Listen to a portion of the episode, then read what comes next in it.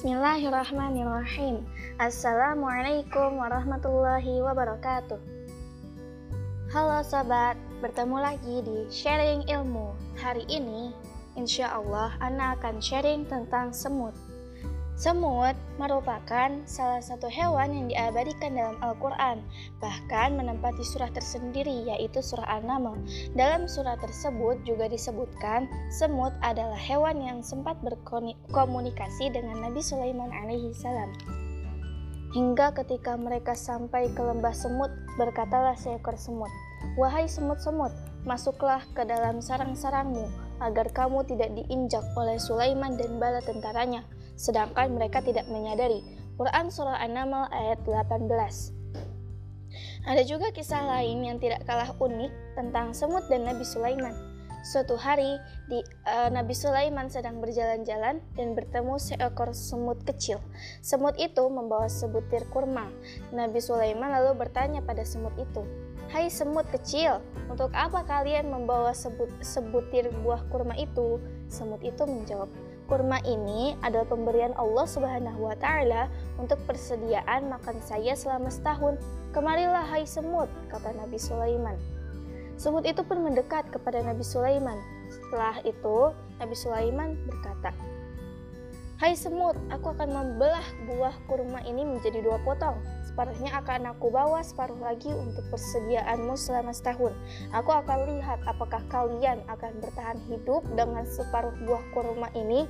Nabi Sulaiman lalu mengambil sebuah botol lalu dia berkata, sekarang, masuklah kalian ke dalam botol ini dengan membawa separuh buah kurma yang aku berikan. Semut itu lalu menuruti perintah Nabi Sulaiman. Dia masuk ke dalam botol. Nabi Sulaiman lalu meninggalkannya. Setelah waktu berjalan setahun, Nabi Sulaiman penasaran dengan keadaan semut kecil. Apakah dia akan bertahan hidup hanya dengan separuh buah kurma? Nabi Sulaiman lalu pergi ke tempat ke tempat semut kecil dan betapa takjubnya saat ia lihat semut itu masih hidup dan dalam keadaan segar.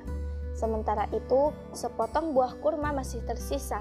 Dia lalu bertanya pada semut kecil, "Bagaimana kalian bisa bertahan hidup hanya dengan separuh buah kurma, padahal memerlukan satu butir buah kurma untuk setahun?" Semut itu lalu menjawab, "Saya banyak berpuasa dan hanya mengisap sedikit airnya. Biasanya Allah Subhanahu wa taala memberikan sebutir buah kurma untuk makanan saya selama setahun. Lalu Anda mengambilnya sebagian maka saya takut tahun depan Allah tidak memberikan kurma lagi pada saya. Sebab saya tahu kalau Anda bukanlah sang pemberi rezeki. Subhanallah, semut memang hebat ya. Yuk kita pelajari lebih lanjut tentang dunia semut. Salah satu jenis serangga yang menarik penelitian mereka, yang menarik yang menarik penelitian adalah semut, di mana jenis serangga ini memiliki sistem kehidupan yang tertib dan membatasi perilaku tiap-tiap anggota masyarakatnya. Untuk tempat tinggalnya, semut biasanya hidup secara berkelompok di suatu tempat tertentu, di mana terkadang sekelompok semut itu bisa memenuhi satu lembah yang luas sebagai tempat tinggal mereka. Mereka hidup karena kerjasama di antara sesama anggota kelompok ketika mereka dihadapkan pada rintangan yang yang berupa air misalnya, maka semut-semut yang muda, khususnya yang jantan dan memiliki badan yang kuat, akan membangun suatu jembatan dengan cara mengaitkan kaki mereka masing-masing. Sehingga semut-semut yang lemah dan terluka, serta yang sudah tua atau masih kecil, bisa melewati rintangan itu dengan selamat. Pembuatan jembatan ini adalah merupakan perintah dari seorang ratu semut yang memimpin kerajaan mereka. Kerajaan semut pun terdapat yang anggota-anggotanya bertugas untuk memberikan masukan kepada ratu dalam menetapkan setiap keputusan yang akan diambilnya, terlebih pada saat-saat genting. Di kerajaan semut ini, yang menjadi pemimpin adalah semut betina dan bukan semut jantan. Karenanya, mereka memiliki mereka hanya memiliki ratu dan tidak memiliki raja. Fenomena ini merupakan hal yang biasa terjadi dalam kelompok serangga. Adapun sebabnya dikarenakan bentuk tubuh sang ratu yang besar dan peranan penting penting yang dimainkannya, di mana serangga, serangga jantan memiliki peranan yang kurang penting dibanding peranan serangga betina.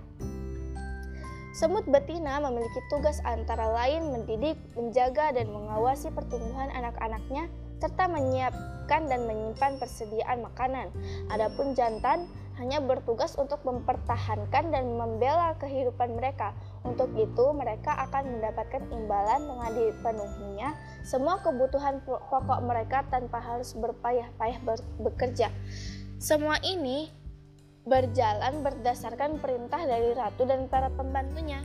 Tentunya, interaksi yang terjadi antara sesama semut membutuhkan suatu media komunikasi, dan sesuai penelitian, terdapat bukti bahwa semut ini mempunyai bahasa yang mereka gunakan untuk saling berkomunikasi sesama mereka, sehingga kehidupan mereka bisa berjalan secara teratur dan tertib.